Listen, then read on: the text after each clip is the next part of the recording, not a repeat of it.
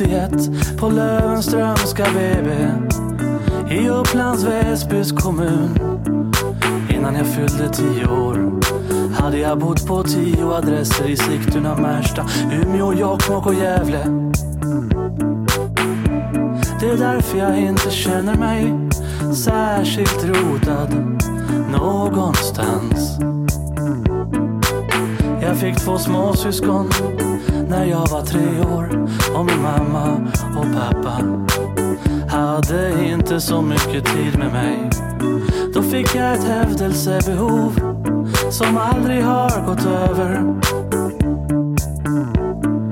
Min mest kända släkting hette Harry Brandelius. Han var en berömd sångare på 40-talet. Det är därför jag alltid velat bli en berömd sångare. Jag var duktig i skolan och fick ofta beröm. Jag hade gärna fortsatt gå i skolan hela livet för att fortsätta få beröm. Nu får jag söka beröm på annat håll. Min mamma var lärare gymnastik. Det är därför jag aldrig har sportat. Min pappa var syokonsulent. Det är därför jag alltid har trott att jag kan välja vem jag ska bli.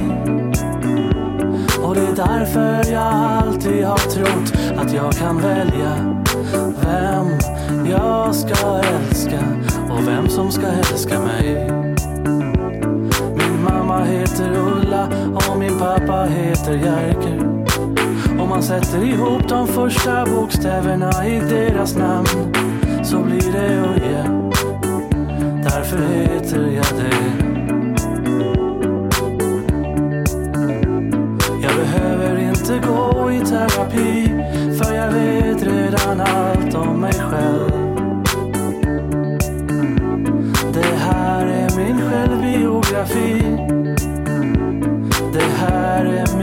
Bästa historia. Lyssna på mig när jag sjunger om mig. Lyssna på mig när jag sjunger om mig. Lyssna på mig när jag sjunger om mig. Lyssna på mig när jag sjunger Psykoterapi, och adolescens. psykoanalys, Hälsotecken. terapier, Men adolescensen, ett sammanbrott i utvecklingen, eller hur? prata om Adolescensen, och psykiska problem som Donald W. Winnicott. psykoterapi. Eller hur? Hej Lena! Hej Annika! Nu är vi inne i februari Mm.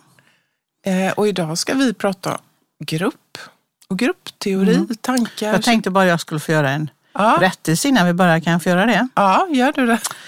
Eh, från, bara snabbt från förra avsnittet, Passion på liv och död, så snubblar jag runt där med de här Hjalmar, Hjalmar Söderberg, Hjalmar Bergman. Jag skulle bara vilja rätta till det för, för att det ska vara rätt. Och det är nämligen så att Chefen för Ingeborg, som jag då pratade om, en bok och ett en tv-drama, är skriven av Hjalmar Bergman.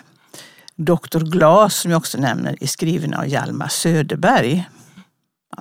Nu har vi rätt ut det. Ja, tack, nu är tack för det, det. Mm. klart. Det var jättebra. Nu, nu blir alla väldigt lättade som Ja, så lyssnade då- på det här. då- Dåligt samvete för det.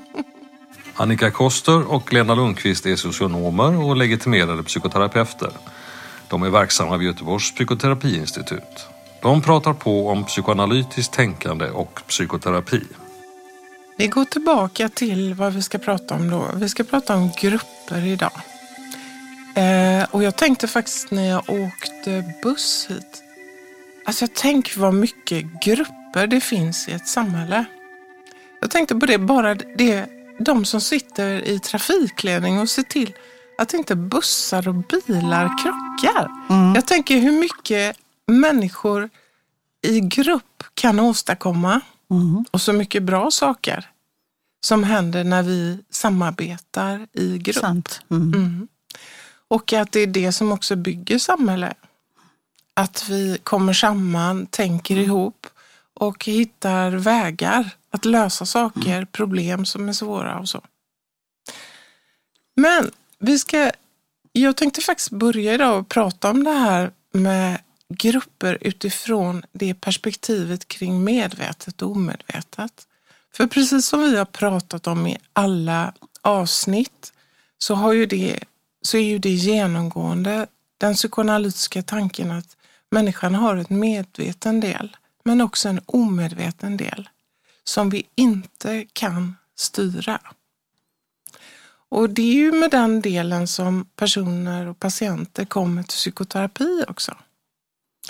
Eh, och jag tänker, för Kristoffer Bollas, vi kommer att referera mycket till honom idag. Mm. I den här boken som vi båda läst, den här Meaning Melancholia, som är en väldigt eh, bra bok. Där pratar han ju om det här med democratic mind. Alltså att ha ett, eh, en demokrati inne i sig. Att människan eh, kan ha ett demokratiskt sinne så att säga. Om vi börjar i terapirummet då, så kan vi ju tänka att vårt sätt att arbeta bygger ju egentligen på att patienten kommer in i våra rum och uppmanas att fritt associera. Alltså tänka fritt i rummet. Precis som i ett demokratiskt samhälle med yttrandefrihet och utan censur och så. Alltså att man får lov att komma in i ett rum med sina osensurerade tankar där både det medvetna och det omedvetna får ta plats. Mm. Och här finns det ju något viktigt också med vårt sätt att jobba då, om man nu ska lyfta fram det, vilket vi ju ständigt gör. Mm. Men, men det finns ju någonting att, att terapeuten håller sig tillbaka i en mer neutral hållning och låter det träda fram som träder fram. Innebär ju också, som Kristoffer Bolla skriver, att självets minoritetsidéer och delar också får lov att träda fram i ett rum och för att kunna förstås.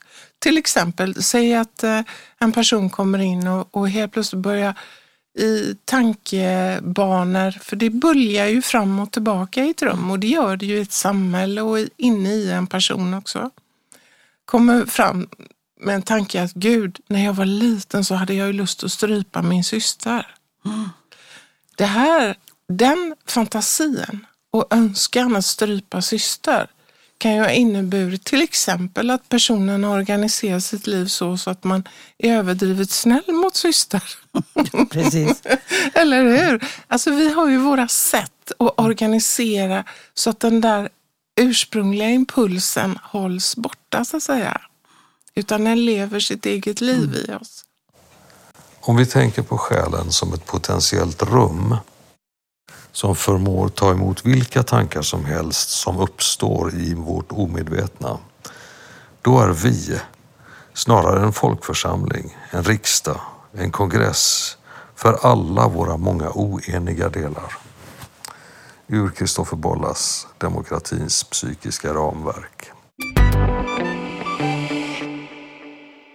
Och på samma sätt kan vi, kan vi tänka om grupper, eller hur? Att du och jag jobbar ju mycket med handledning och i handledningssituationen så kan man också tänka att det kommer in en grupp i vårt rum och gruppen vet att med en del, ja det är därför vi är här, vi behöver hjälp att tänka om det här och, och vad som händer i det, med mig i det skeendet och så. Men grupper kommer också alltid in med ett omedvetet. Mm. Ja, det var en lång prolog här. Mm, mm. Men det är lite för att för det här är spretigt som ja. vi har sagt kring grupper. Men det du säger nu knyter an lite grann till Wilfred Bions grupppsykologi med grundantagande grupp ja. och arbetsgrupp. Ja. Så att alla grupper har, eh, och precis som alla individer har ett medvetet och ett omedvetet, så har alla grupper också en arbetsgruppsfunktion. Det vill säga de har, fått, de har på pappret vad de ska göra, men de har också ett grundantagande som är omedvetet som ibland tar över arbetsgruppens eh, mål och då blir det lite kaos. Eh, och det här rör sig fram och tillbaka naturligtvis. Mm. Och Bian, nu om jag får ta ännu lite mer plats, Absolut, för då kommer du in sen. Det är att Bion, jag läste faktiskt, jag tror att det var Igra som skrev om honom. Vi har ju pratat om honom mm. i tidigare avsnitt och även lite om hans historia. Han har ju betytt jättemycket för psykoanalytiskt tänkande. Men han skrev tydligen i slutet på sitt liv så skrev han att han var ju inkallad i första världskriget. Och då, det visste inte jag, men han var chef för en stridsvagn. Mm. Det har jag pratat om innan om du minns en gång. Ja, Okej, det är jag som har, Har dåligt bort? minne. Ja. Men i alla fall, så det kanske du sa också då, men hans kamrat fick, blev ju skjuten i huvudet mitt under ett samtal. Sen fick han ju en tapperhetsmedalj. Mm. Och tapperhetsmedaljerna kallades ju för att man fick en dödskyss. Har du pratat Mm, om ja. det med? Nej, jag tror inte, jag, jag nämnde nog bara att han blev, fick utmärkelse, men han tackade väl nej va? Eller hur var det? Nej, jag tror att han fick den. Ja, Men den var betraktad bland soldater som en dödskyss. ja för då var det ens egen tur nästa gång. Eller? Ja, då betydde det, och det tyckte jag var intressant det här att, att de som fick tapperhetsmedaljer kände sig ovärdiga Ja, för de hade det. ju kamrater som hade dött. Och varför, som en överlevnadsskuld. Precis. varför skulle jag få den här medaljen? Och det kunde leda till att när de soldaterna som då hade fått de här utmärkelserna gick ut i strid igen Mm. så blev de eh, i väldigt hög grad dödade därför att de hade ett dödsfrakt då. De skulle göra sig förtjänta Så de tog lite eh, oförnuftiga beslut ibland. Precis, Mm, och, och, och sona skulden så att säga. Ja, det var lite kuriosa. En del av detta har vi redan nämnt om, men jag, jag, Men det var ju också Beyond som var med och startade Tavistock-grupperna som är utifrån sina krigserfarenheter tror jag. Ja. Som är väldigt intressant också. ja, Hur de jobbade.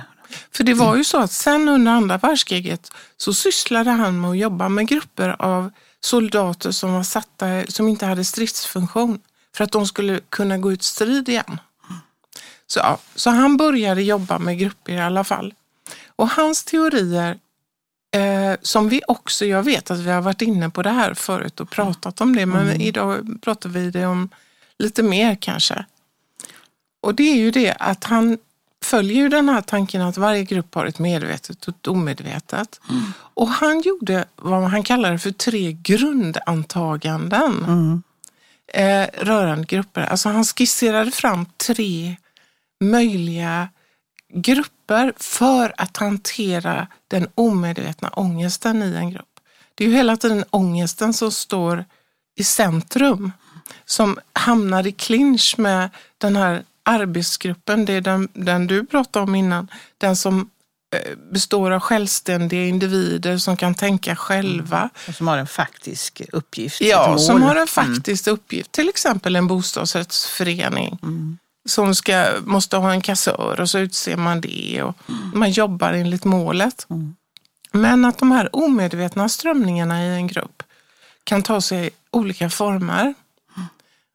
Eh, och den första gruppen, du får hjälpa mig med här Lena, Ja, den ja. första gruppen som han... Beroendegruppen. Beroendegruppen. Mm. Och det är ju den gruppen som på något sätt, eh, där medlemmarna i gruppen sätter sitt hopp och sin tillit till en ledare Mm.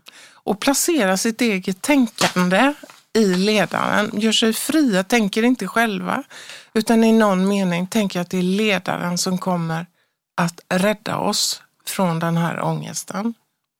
Så det uppstår ett starkt behov, beroende till den här ledargestalten i gruppen. Och man vill ha en väldigt fantastisk ledare också. Han är väldigt idealiserad. Så om Ja. inte han håller måttet så får man välja en ny. Eh, kanske också att han har ett, ett, ett eh, eh, ska vara väldigt fantastiskt. Och det här att eh, man ofta utser en person i gruppen som någon slags patient eller någon slags mindre sjuk eller som, han ska, som man vill att han extra mycket ska ta hand om. Ja, precis. Och också, som du säger, den här idealiseringen. Det är ingen människa som kan vara eh, en idealiserad gestalt över tid. Och det uppstår ju ofta också behovet av att plocka ner den här ledaren så småningom Mm. i, gruppen. Och det kan ju bli ganska blodigt, höll jag på att säga. Och även avund mellan de här andra gruppmedlemmarna som idealiserar. Alla vill ha favörer och alla vill vara i ledarens ljus. Det är väldigt mycket avund en sån grupp om inte Ja. ledaren lyckas stävja det. Jag tänker här är ju kopplingen till handledning lite intressant eftersom du som handledare ofta med automatik har en ledarposition. När du startar en handledningsgrupp med en handledningsgrupp så är ju du implicit ledaren på något sätt. Va? Så att det har ju också stor betydelse hur vi hanterar det, hur vi går in i det. Att här sitter kanske en grupp som förväntar sig väldigt mycket av mig. Eller det kan sitta en grupp som är van att arbeta själva, det vet vi inte vad vi får där. Men vi har en ojämlik situation från början. Mm, verkligen. Den andra gruppen då? Den kallar han ju för kamp flyktgruppen. Mm. Och den gruppen, den ångesten handlar om existensen. Alltså överlevnaden. För gruppen ja. Ja, för gruppen. Det är den kvaliteten på ångest. Och det gör att man bör, gruppen tenderar att söka fiender utom gruppen eller inne i gruppen. Och helst ska man ju ha i en sån grupp en paranoid ledare. Mm. Eftersom det garanterar en fiende någonstans. Precis, som man, som man kan fly ifrån eller som man kan Ja, slåss mot. Ja, och ibland är det ju så att det no, blir någon inne i gruppen som också blir en syndabock. Som ska... Eh, så säga, tar man ju inte hand om varandra på samma sätt som i beroende. Men där kan man ju offra medlemmar på ett annat sätt ja, för kampen eller flykten. ja, precis. Och det kan ju vara intressant när det gäller handledning om du till exempel får en grupp där existensen är i fara. Alltså en grupp som kanske, man kanske ska dra ner på arbetsplatsen, det kanske ska försvinna folk, vem ska gå? Man sitter med en grupp som är osäker på sin existens. Kommer vi att fortsätta jobba ihop nästa år? Eller? Då är det ju lätt att det blir projektioner på dig som ledare. Eh, Att du måste då hjälpa dem att slåss eller hjälpa dem att fly. Om du inte gör det så åker du så byter man ut handledaren kanske. Så att här är det en, det är ju en, eh, kan ju fungera också så i en grupp du får in. Ja, och visst har man varit med om det många Ja, gånger. absolut. Mm. Det här, och det kan ju också vara att det har hänt någonting. Eh, eh, jag tänker på grupper där det har hänt någonting, det har varit gränsöverskridanden eller sådär. Saker och ting har hänt i gruppen som har hotat dess existens så att säga.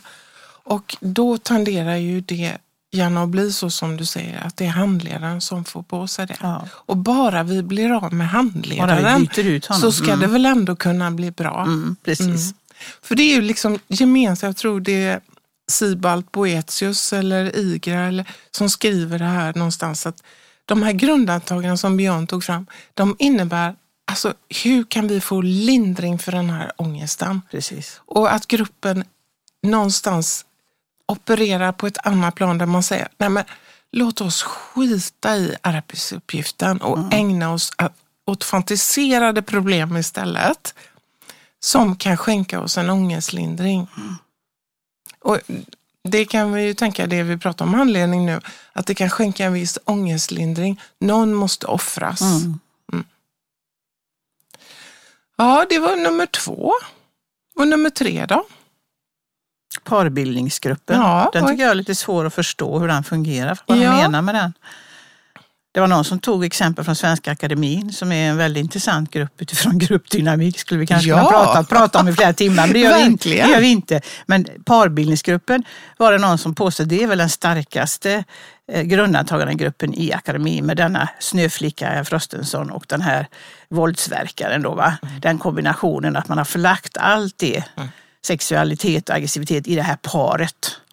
Och någon, på, någon menade på att det kommer att fortsätta, om inte man förstår det här, så kommer det fortsätta i Svenska Akademin med nya parbildningar. De tog också, den här personen, jag vet inte vad det var som skrev det, tog också Vitt Brattström och Horra som exempel, som är ett par, ett annat par Mm. i Svenska Akademin.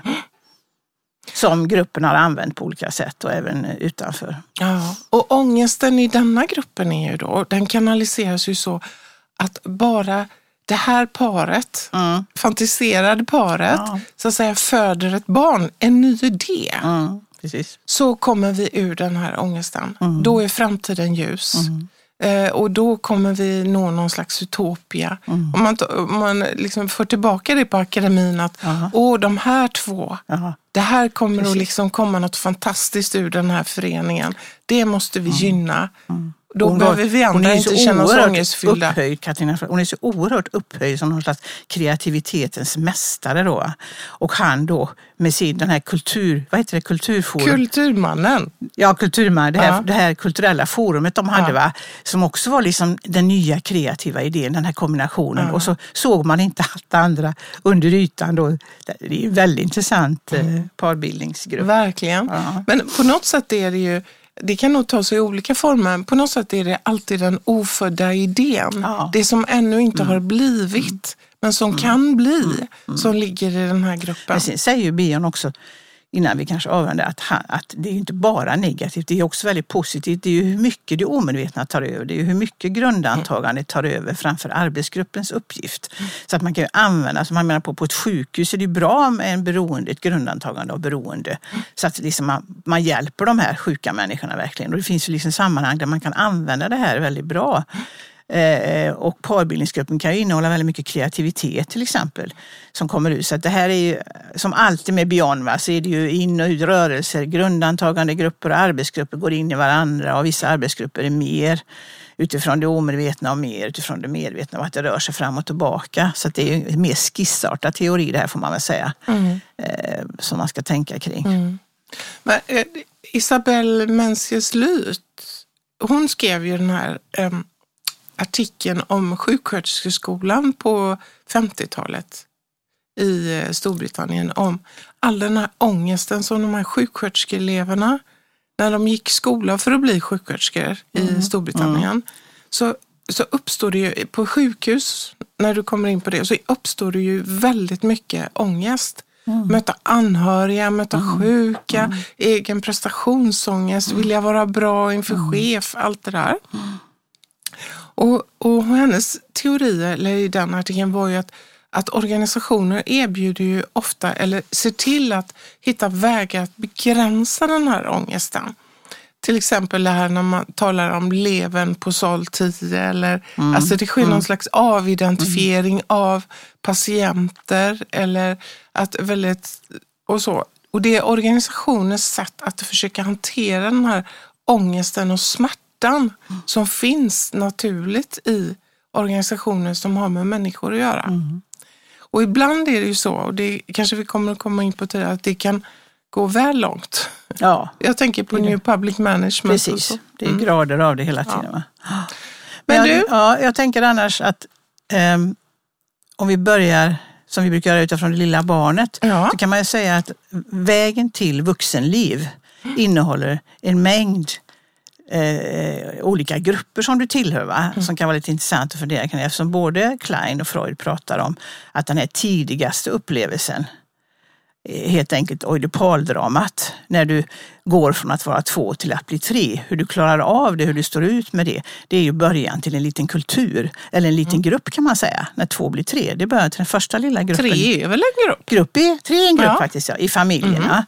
Eh, och, eh, eh, och sen efter det har du då eh, skolklassen kanske, där det är nya lagar som, eh, som råder så att säga. Va? Och hur du har haft det, men det är återigen det här som psykoanalysen menar, hur du har haft det i den första lilla gruppen. Hur du har hanterat den rivaliteten, den, de olika begären efter att ha mamma för dig själv, allt det, hur du har hanterat det och klarat av den övergången. Det kommer att påverka hur du sen hanterar dig själv i skolklassen och på arbetsplatsen senare. Så där, redan där så är det, är det liksom massa, och det är fritidsliv och det är, barnen ska ingå i väldigt många olika grupper. Och det har betydelse hur den första gruppen har sett ut, hur det kommer att se ut sen. Eh, och det har ju då, och, och, och eh, jag tänker på, om vi pratar om Freud så pratar han ju om överjaget, det gör ju Klein också, Bollas också. Alltså det, den överjagsbildningen eh, som du gör, den gör du utifrån att förenklat, om du tar Freuds oidipaldrama, och han pratar bara om mannen, vi kan tän- tänka vidare idag, så vill du mörda pappa för att gifta dig med och ligga eller gifta dig med mamma. Och det är en förenklat ett, en, ett begär och en lust som alla små barn har att få ha mamma eller pappa för sig själva. Idag har vi ju lite mer tagit in mamma då, det, är- det är skönt. Eh, eh, att, förä, att få ha föräldrarna för sig själva, att hela tiden ha, och den här ovillkorliga kärleken kan du ju aldrig få sen. Och det är ju något du måste bemästra så att säga. Va? Och det gör du genom att skapa det här överjaget menar Freud då, va? som är liksom, där hamnar alla passioner. Du, du sätter, du in, och det gör du genom att identifiera dig med föräldrarna. Du, du blir som mamma eller pappa, så det är enklare. Så behöver du inte slåss mot, mot det här att du inte får någon för dig själv.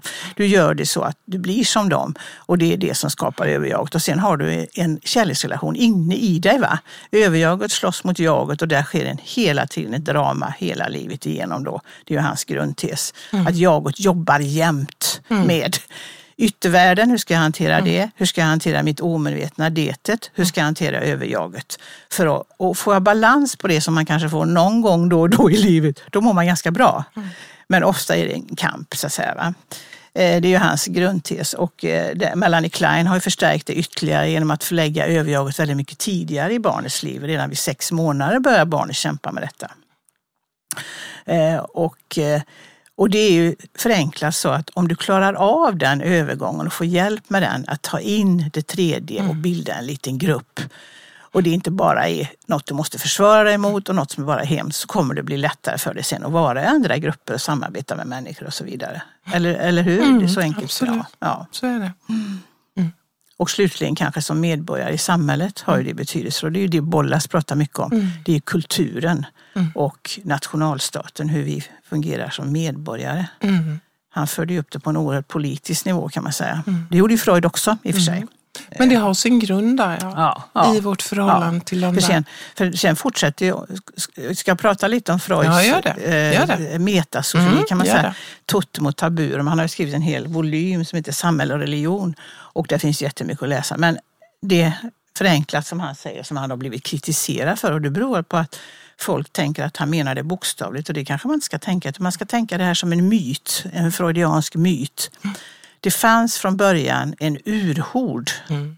Det här är innan kulturen uppstod. Och det har han tagit från Darwin som pratade om det, men det var djur då. Va? Men han för över det på en urhord som hade en urfader. Och denne urfader, han var despotisk, våldsam, han tog allt han ville ha, sex med alla, fanns inga gränser. Han krävde samtidigt tillbedjan underifrån. Denne urfader då bestämmer sig, sönerna, bröderna, mm. att avrätta, Honom ska dräpa. vi ha död på. Mordet på urfadern är grunden till mm. kulturen med han. Och när de har gjort det sätter de upp honom så att de får ta del av hans krafter. Sedan startar de ett brödrakontrakt och där kommer de här två viktigaste eh, förbuden in. Det är förbudet att dräpa, så annars skulle det upprepas igen om man dräpte nästa urfader, och förbudet mot incest. De två är grunden till kulturen menar Freud. Mm. Där, för då börjar de här bröderna att skapa en kultur som han kallade för totem, totemismen. Alltså man, mm. man skaffar ett djur som man då höjer upp istället för fadern. Tillbedjer. Mm. Man, det är massa riter och så. Va? Och den enda gången man får slakta det här djuret, mm. det är eh, det gör man också rituellt ibland för att återigen upprepa fadersdråpet så att man liksom gör om det igen. Va? Och så försonar man det också genom att liksom äta upp det här djuret mm. och så har man liksom gjort pacificerat urfadern igen. Eh, och det här skriver han hur mycket som helst om. Det går ju inte att förstå allt detta fram och tillbaka. Och det kanske man inte ska tolka så bokstavligt utan mer att det här är en myt. Va? För sen menar han ju att religionen springer ur den här totemismen. Mm. Alltså. Religionen kommer ur detta. För sen när vi tar nattvarden så äter vi också Kristi blod och mm. kropp. så vi fortsätter alltså. Så att, Äta ur födan. Ja, och det som då Freud lägger till är ju det att i och med att det har begåtts ett dråp så finns det alltid en skuld. Och därför ingen kultur utan skuld. Så därför vid vantrivs i kulturen är det ju väldigt mm. svårt att med alla dessa neuroser och, så, och må bra i en kultur där man måste stävja så mycket sexualitet och så mycket aggressivitet för att det ska funka. Och det är ju också människor olika bra på. Verkligen. Att klara av det. Va? Mm. Så att eh, och detta upprepar sig i varje familj? Detta upprepar sig i varje mm. familj, mm. i varje individ. Mm. Måste, och då kan man ju tänka sig, eftersom vi måste komma bort från Freuds fallokratiska mm. perspektiv, mm. så är det så att varje barn, tänker jag, måste avrätta både mamma och pappa inom sig i någon symbolik för att kunna bli vuxet. Mm. Och det gör man ju genom att så att säga mer och mer se dem för det de är och ändå fortsätta älska dem förhoppningsvis. Att ta ner dem på piedestalerna som vi har pratat om, det är nödvändigt för att du själv ska bli, bli vuxen och en del av kulturen. Så att det här mordet så att säga, mm. sker ju i en symbolisk form hela tiden. Men det intressanta med det är ju att om man tänker sig att man i någon mening måste göra sig av med sina inre föräldrar mm. för att bli vuxen. Mm. För att också kunna bevara dem. Ja. ja. Och ha kvar dem så tänker jag att det är det här det försvåras när man inte har fått det man har behövt. Precis. För då kan man inte heller skiljas nej. från nej. dem inuti. Nej. Och det är ju det tragiska eller svåra som vi också möter mycket i vårt jobb. Både i terapier och i handledning. Mm. Ja, det, här, det är väldigt intressant den här, hans ändå grundteori Ja, kring det på här. något sätt är det det, även Ja. om man inte ska läsa den bokstavligt. Och det är där, därför han har blivit kritiserad, för många har läst det som eh, Lars Sjögren skriver väldigt fint och det. Han jämför med urscenen, det begreppet. Från början pratade man, tänkte man att, att barn hade åsett sina föräldrars samlag eller hade en faktisk föreställning om hur det faktiskt hade gått till. Men det har inte alls med det att göra idag. Det, det betyder ju bara att du har en fantasi om hur du har blivit till. Det har alla människor en fantasi om hur man blev till, konstruktionsögonblicket. Och du har också en fantasi. Men det är din egen fantasi, det har ingenting att göra med hur det faktiskt gick till. Va? Det är samma här, va? vi kan tänka att Men det är, ju väldigt, det är ju väldigt intressant när vi pratar om det här behovet av att på något sätt för att kunna bilda sin egen familjegrupp och separera från den ursprungsfamilj jag kommer för att kunna gå in i en egen ny grupp med en partner eller ja, familjer kan ju se så väldigt olika ut. Men att, att starta mitt eget så måste jag i någon mån ha kunna separera. Och för att kunna separera från bilderna, inre bilderna av mina föräldrar så måste jag ha fått det jag behövt under de första som eh, Igra skriver, de första, barnets första formativa år. ja, Att ha fått levt till det här som du och jag har pratat om så många gånger, att allt finns. ja, att ha fått vara i mängden. Ja, skrev, precis. Att ha fått vara. För att nu när vi kommer, när, när, när du tar upp det här blodiga tem, Freud-temat nu, Mm, mm. så kommer jag att tänka på någonting som jag har läst eh, lite och som du och jag också pratar om i Barnet i våldsverkaren, delvis. Kommer du ihåg, vi refererar ju där till den här Arthur Hyatt Williams Mm, mm. och när han skriver om, om den här eh, han jobbade ju på fängelse i Storbritannien, som vi också nämnt tidigare, med personer dömda för grova våldsbrott. Och eh, han beskrev det ju som att de hade en liv och död-konstellation inuti sig. Det vill säga, de här barnen hade haft det så exceptionellt svårt och hade haft också en inre situation inuti där livet inte på något sätt var självklart utan kunde hela tiden tilta över i död. Och han kallar ju det också då en blueprint for murder, alltså att man hade som en de här barnen hade som en bläckplump plump inne i sig av mord och död. Och då, då, då när jag läste det här utifrån ett grupptema, han skriver också om eh, vad det är som får unga människor och barn eller tonåringar söka sig till kriminella nätverk. Och jag tyckte det var ganska intressant som koppling till det här. Och det, han beskriver det att det är inte vilket barn som helst eller vilken tonåring som helst som kan skjuta ihjäl någon annan. Jag tänker på apropå allt som... Och jag tänker att det här är så viktigt Lena, att den känslomässiga inre situationen hos de här personerna måste sättas mer fokus på.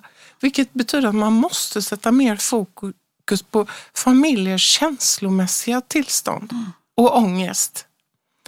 Eh, Men i alla fall, eh, han skriver där att apropå skuld för mordet på urfadern så att säga. va?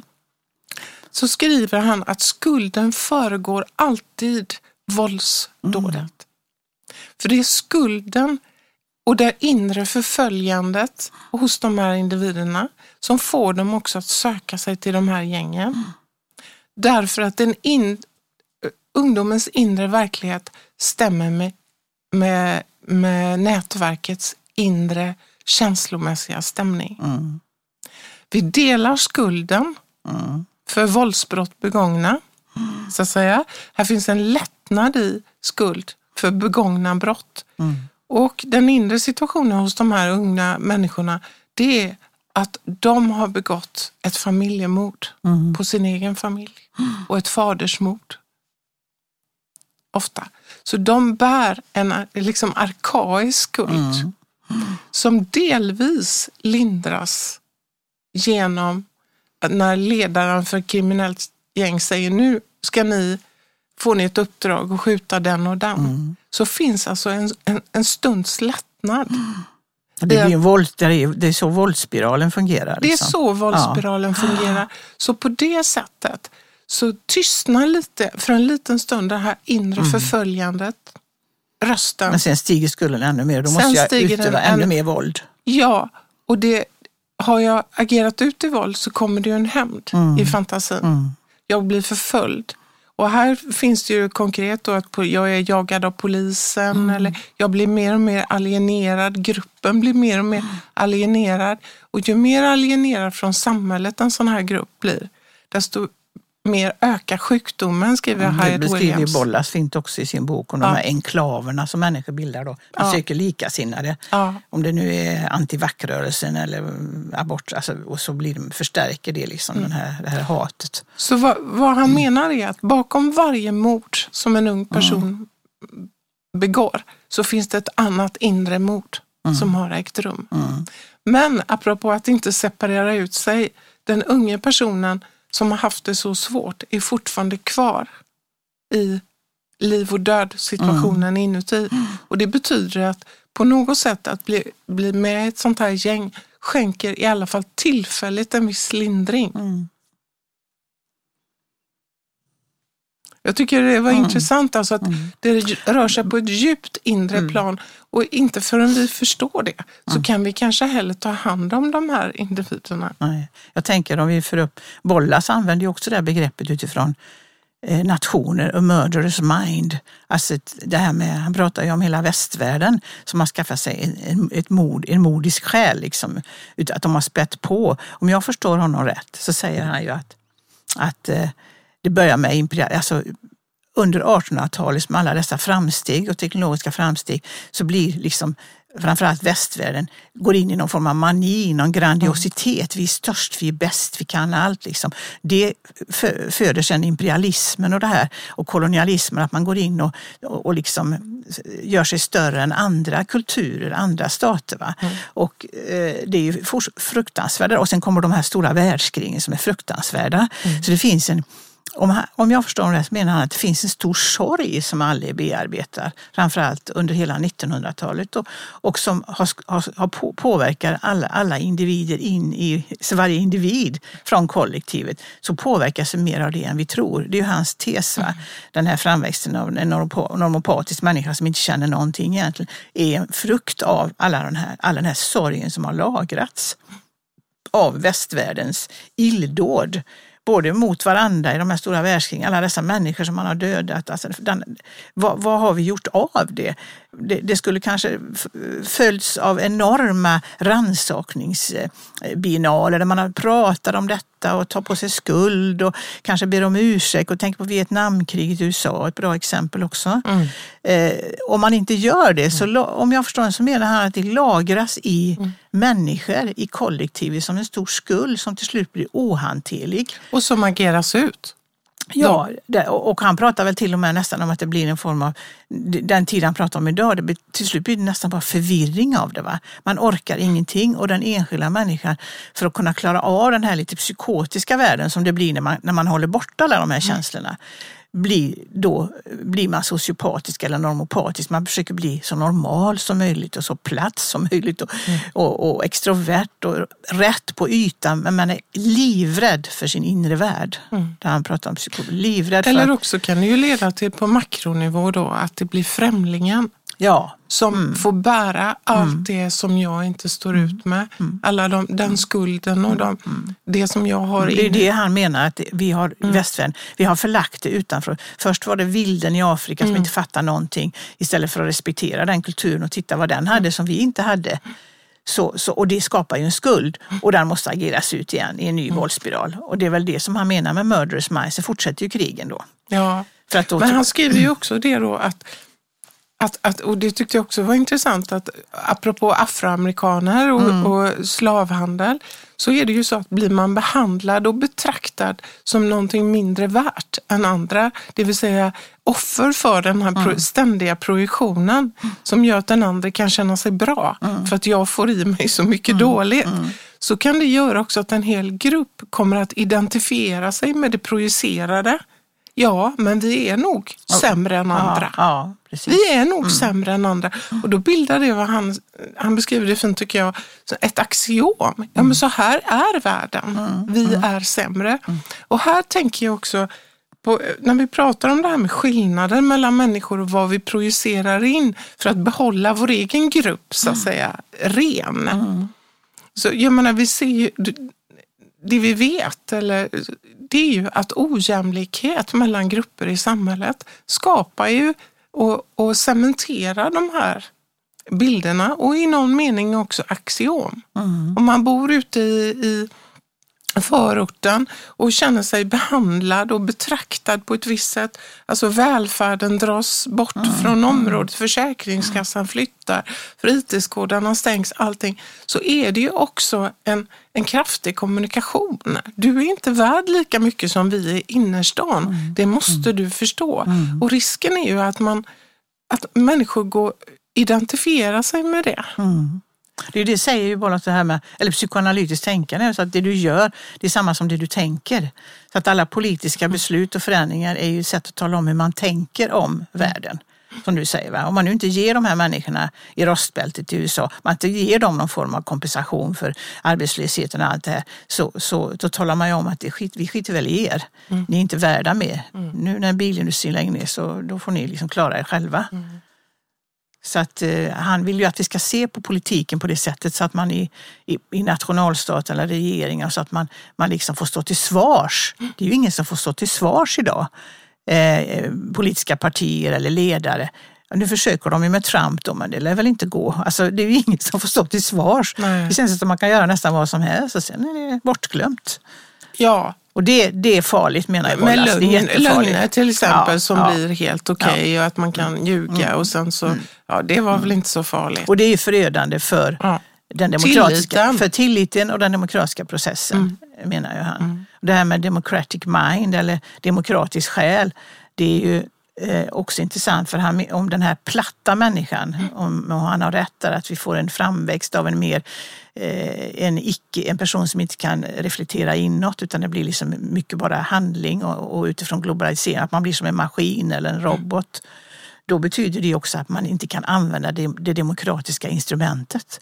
För det demokratiska instrumentet ska kunna användas måste du ha en demokratisk mind eller en demokratisk själ där du pratar med dig själv fram och tillbaka Ja. och, ta, och, och håller levande både dina bra och dåliga sidor och vågar stå för dina dåliga eller din aggressivitet Ja. och hantera detta. Om du inte klarar det utan måste spjälka bort det, liksom, ta bort det, Mm. då kan du heller inte, då, då är du ingen demokratisk varelse och då kan ju inte demokratin användas och det är ju förödande.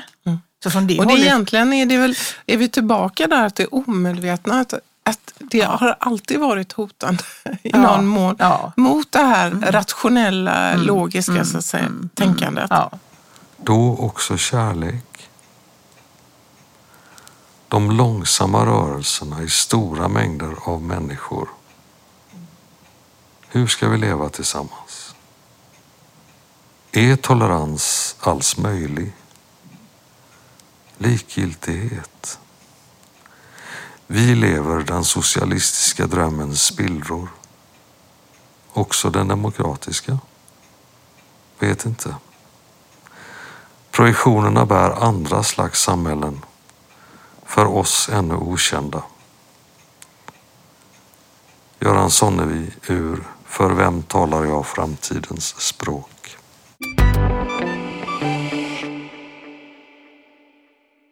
Zygmunt Bauman, som eh, filosofen som dog för några år sedan, han skrev ju den här boken också, Collateral Damage. Och han menar ju på att den här projektionen, apropå hämnd, när man projicerar väldigt mycket i en, i en, i en grupp, främlingarna, invandrarna, de och de, och det blir så, så hotar ju alltid det att komma tillbaka. Och han skriver ju att en bro knäcks ju inte av att den genomsnittliga liksom, vikten på, på bron, det är inte det som gör den, att den knäcks, utan det är ju när det svagaste spannet brister så knäcks hela bron. Det vill säga, för att demokrati ska fungera så måste vi ha med oss alla grupper i samhället. Inte att det är, liksom, att, inte att det är eh, byggt på projektioner. Han, han skriver faktiskt eh, väldigt fint om det. Om, om, på en sam, nu är vi uppe på makronivå, Ja, men det som mm. sker då, det är ju när välfärdsstaten eh, eh, så att säga drar sig tillbaka, så, så öppnar det upp för mer populistiska rörelser eftersom människor blir rädda. Man blir rädd för sin egen säkerhet. Och, och rä, den rädslan plockas upp av populistiska ledare som, har en som då placerar skulden eh, i kanske en betoning på lag och ordning istället för att bygga sociala strukturer som håller. Mm. På, på samma sätt som du kan ha ett populistiskt parti kan du ha ett populistiskt jag, menar jag Bollas. Va? Ja. Så att personen, och då, då vill man, och då är det ju attraktivt med de här förenklade politiska lösningarna. Och när sådana ledare kommer till makten så är ju inte meningen att befolkningen ska bli mindre rädd. Om man till exempel bekämpar brottsligheten så är inte meningen att vi ska bli mindre rädda. Utan rädslan måste ju upprätthållas hela tiden. Det här som Freud skriver, det, det, det här kusliga Ja, precis. tillståndet måste vidmakthållas. För annars kan man inte heller inskränka människors fri och rättigheter. Nej, eller ändra grundlagar eller så. Utan det är det är rädslan som är grejen. Ja, nu blir det väldigt, Det väldigt dystopiskt. Ja, Men, men det behöver ju inte bli. Eller Ja, det är det ju det är väl kanske så. Ja, men tillbaka till, vi möter mycket grupper du och jag i handledning. Och, och är det inte så att i varje möte så, så, så är det så att man, vi funderar över, både när vi träffar patienter men också grupper, vilken känslomässig stämning är det i den här gruppen? Och som jag har sagt innan så brukar det bestämmas av hur fri känner jag mig? Apropå democratic mind. En ny grupp som kommer är osäker och det tar tid innan man blir trygg i gruppen och med gruppmedlemmarna men också med sin handledare. Så i början är ju inte frihet att kunna associera fritt och tänka, det är inte det som dominerar. Så detta är också, det finns ju en tidsaspekt på grupper. Oh ja. Ja, eller hur? Men så småningom är ju målet att man när man kommer till handledning ska kunna tillåta sig att vara så fri som möjligt kring vad man upplever i sitt arbete. Och dela med sig. Därför att det ökar tryggheten i gruppen. Det är okej att säga det. Ja, jag blev arg på det. Eller jag tog in det här och mådde jättedåligt. Tog med mig det hem. Allt sånt där. Så friheten som Bollas pratar mycket om. Att låta olika delar få träda fram. Det är ju det, det, är ju det som är målet på något sätt när man jobbar med grupper. Och fördela sina graser ganska rättvist. Ja, Precis som man försöker göra med sina barn kanske. Att, men det, det är kanske lättare sagt än gjort. Men, men det, hur gör man det då? Ja, ja det, hur gör man det? det är verkligen, hur gör man det? Hur skapar man en sån, en sån eh, stämning? Man känner ju när den finns där. Jag tycker man känner i en handledningsgrupp när det har blivit lite av mer av det här fria. Det känner man genom att det börjar skrattas kanske eller att det finns lite humor och så. Att man leker lite med tankar och så. Man vågar. Det är ett, ett, ett tecken på att det börjar liksom eh, slappna. Ångesten har Ångesten lagt sig. lagt sig. Ja. Ja. Men eh, det är ju jättesvårt att tala om hur, hur, hur, hur Men är det inte så att det som sker i handledning är ju beroende av det som du och jag pratar om så många gånger. Det är ju att, att du som handledare och jag som handledare Mm. håller väldigt tydligt i ram. Så att de kan lita på att det finns en ram i tid och rum. Att jag bryter när Mm. vi ska bryta, att det kommer en paus när man ska ha paus, man får springa på toa eller Mm. ta en kopp kaffe. Att, den, att, att tilliten till ramen Mm. är en förutsättning för den här andra friheten. Och där är väl det är ungefär samma som i, i terapi, att du, du är personlig men inte privat. Alltså ditt autentiska uttryck är viktigt att det syns, att, men du är inte privat. Nej. Och där, det är en väldigt viktig, men det är lite skillnad ändå. Eller det är skillnad på handledning och terapi på så vis att du har en grupp, men också att du inte har mandat att tolka på samma sätt. Om du har en arbetsgruppshandledning kan man inte säga att du har mandat att göra överföringstolkningar på samma sätt som du gör i terapi. Nej. Så det är ju en, en eh, du är med på medveten nivå om man säger så. Mm. Men däremot är det väldigt intressant det här med handledning och parallellprocesser. Om du får tag i det någon gång så är det väldigt intressant och väldigt lärorikt. Hur du efter en dragning till exempel av en familj helt plötsligt kan se att det här gestaltar sig nu i handledningsgruppen. Ja. Och vem är vem liksom. Va? Så att, om, du, om man kan hitta det så skulle det vara något som skulle vara jätteintressant att jobba mycket mer med. Men det, det finns ju inte tid för det för handledningsgrupperna blir ju större och större och uh, de får mindre och mindre pengar. Så, men det är ju en, en, en process i handledning som är väldigt intressant. Ja, jag vet inte om, de, om det blir, jag tycker att det, Det är ganska det. mycket Ja. handledning nu. Ja. Men det jag tänker också, det är ju att ibland får man i handledning också, man lyssnar till mycket och det man kan höra apropå vad som händer om vi inte har med den här, den här delen av grupper som Mm. opererar omedvetet. För ibland, ibland tänker jag så här att om, om, om en grupp, arbetsgrupp eller ett EH, en elevhälsoteam på en skola eller en, en lärargrupp eller sjuksköterska eller vad det om, om man ibland stannar upp i en grupp och tänker vad är det vi blir bärare av just Mm. nu i Ja. den här gruppen? Ja, så finns jättemycket att förstå Ja. av den här vilken ångest är det som åker runt. Mm. Väldigt ofta tänker jag att jag hör det kring hur ångest kan hamna mellan aktörer, till exempel när det gäller barn. Istället för att man tänker ihop och ingen har hela sanningen så kan, kan man höra hur det blir parallellprocesser och projektioner. Nej, men det här ska skolan göra. Nej, det ska BUP göra. Precis. Istället för att det blir den här, liksom, vänta lite, vilken typ av ångest är det vi hamnar i här? Emellan varandra. Och därför så är det som, eh, det är liksom det centrala tänker jag är det vi pratar om idag. Det är ju att den här känslomässiga ångesten som både finns i grupper och individer, genom att försöka i någon mån förstå den, Mm. så underlättar det väldigt mycket arbete Mm. som ju också kan ta sig väldigt liksom destruktiva former om man inte fångar in. Och sen är det så att, det skriver bion också om det, att om man som eh, i en arbetsgrupp får, får möjlighet att jobba med bara sin grupp, sin, sin gruppdynamik till exempel, att man får liksom tid för det, så kommer ju grundantagandegruppen att bli mer, eller grundantagandet bli mer medvetet. Och då blir det ju lättare att hantera det. Mm.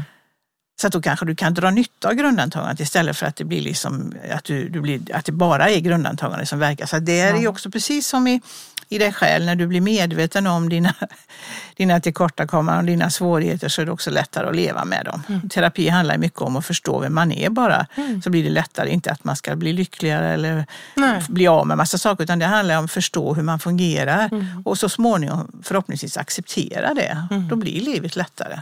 Som och det är ju det här som vi har varit inne på också många gånger kring kring de här trauma och saker och ting som har hänt i släkter. Ångest som Ja. aldrig har tagits om hand tenderar att bara fortsätta och fortsätta. Och det kan man ju se och möta i arbetsgrupper också. Att det är ångest som aldrig är liksom lyfts upp Nej, som nej, du säger. nej. Att oj, oj, oj, nu hamnar vi i en beroendegrupp här. Ja, vad var det för ångest som hände? va? Och det är ju det som Bollas menar också, att en förhoppning om att stater och nationer skulle göra större bearbetningsprocesser eh, efter till exempel krig och sånt där för att hjälpa befolkningen att komma vidare. Va? Jag tänker på kanske, jag vet inte, men ibland känns det som att Tyskland ändå har gjort lite sånt arbete efter andra världskriget. Mm. Är det inte så? Jo, är det tack jag- vare Merkel? Jag eller? kan inte säga, men, Nej, men man känner det lite grann. Att, Ja. Oj, för- att man har tagit tag i sitt förflutna. Ja, att man ändå låter det vara levande och inte förnekar det eller Mm. försöker ta bort det utan det finns där liksom som en, en botten som man måste, man får se till att aldrig komma dit igen. Delvis kanske. Ja, jag vet inte. Ja, Nej, ja. Det var bara en tanke jag fick. För man får lite hopp. Ja, men detsamma är det ju med familjer och eh, det som löper över generationer. Och, och någonstans så tänker jag att vi, vi behöver, skulle behöva i vårt samhälle sätta större fokus på det känslomässiga Ja, tillståndet ja. i familjen. Bara, bara för att jag lyssnade på radio så gick det en liten sån här kortserie om hur det är att vara ung och fattig. Mm. Så var det, beskrevs en tjej eh, som, där familjen levde nära fattigdom. Mm. Ja, de hade så de kunde betala hyran och mat. Men till fritidsaktiviteter eller nya kläder och så fanns inga pengar. Och det betyder att hon gick med hål i sina gymnastikskor eh, ett år. Och hon hade de här skorna både på jumpan, hon hade dem eh, på fest, hon hade dem i skolan, hon hade dem jämt. Hon hade bara ett par skor. Och man kan ju tänka, hur blir den familjens atmosfär i en sån här situation? För det finns inget mer stressande att inte kunna erbjuda sina barn det andra har, trots att man kanske arbetar eller har två, tre jobb. Det här är det, det påverkar det inre klimatet, apropå det vi pratar om Och gängkriminalitet. där är vi ju nu mycket. Stadsmissionen och alla de här vittnar ju om att det kommer in Ja. människor som har jobb och ändå inte får det att gå runt. Och vad uppstår i mötet mellan ett sånt barn som säger nu vill jag ha ett par nya skor och det finns inga pengar. Det, då upplevs kanske barnet som girigt eller krävande. Eller, alltså för, det är så många processer som dras igång i familjen. Fattigdom är inte enda kriteriet för att bli till exempel kriminell eller hamna utanför. Men det är en jordmån. För den känslomässiga stress All ojämlikhet Ja. och all orättvisa eller ekonomiska klyftor är ju aldrig bra för ett demokratiskt samhälle. Nej. visions, trying to make sense of a now, trying to make sense of a past, to show us how.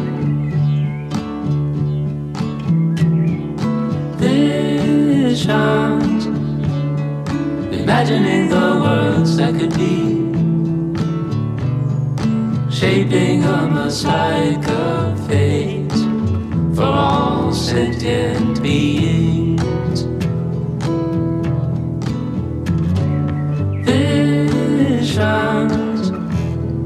cycles of growth and decay,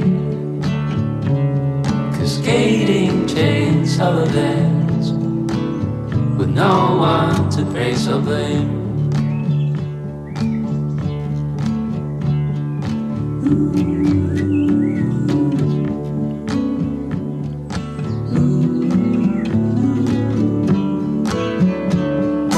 visions,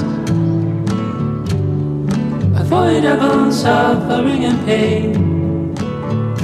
We are patiently itching away toward unreachable utopias.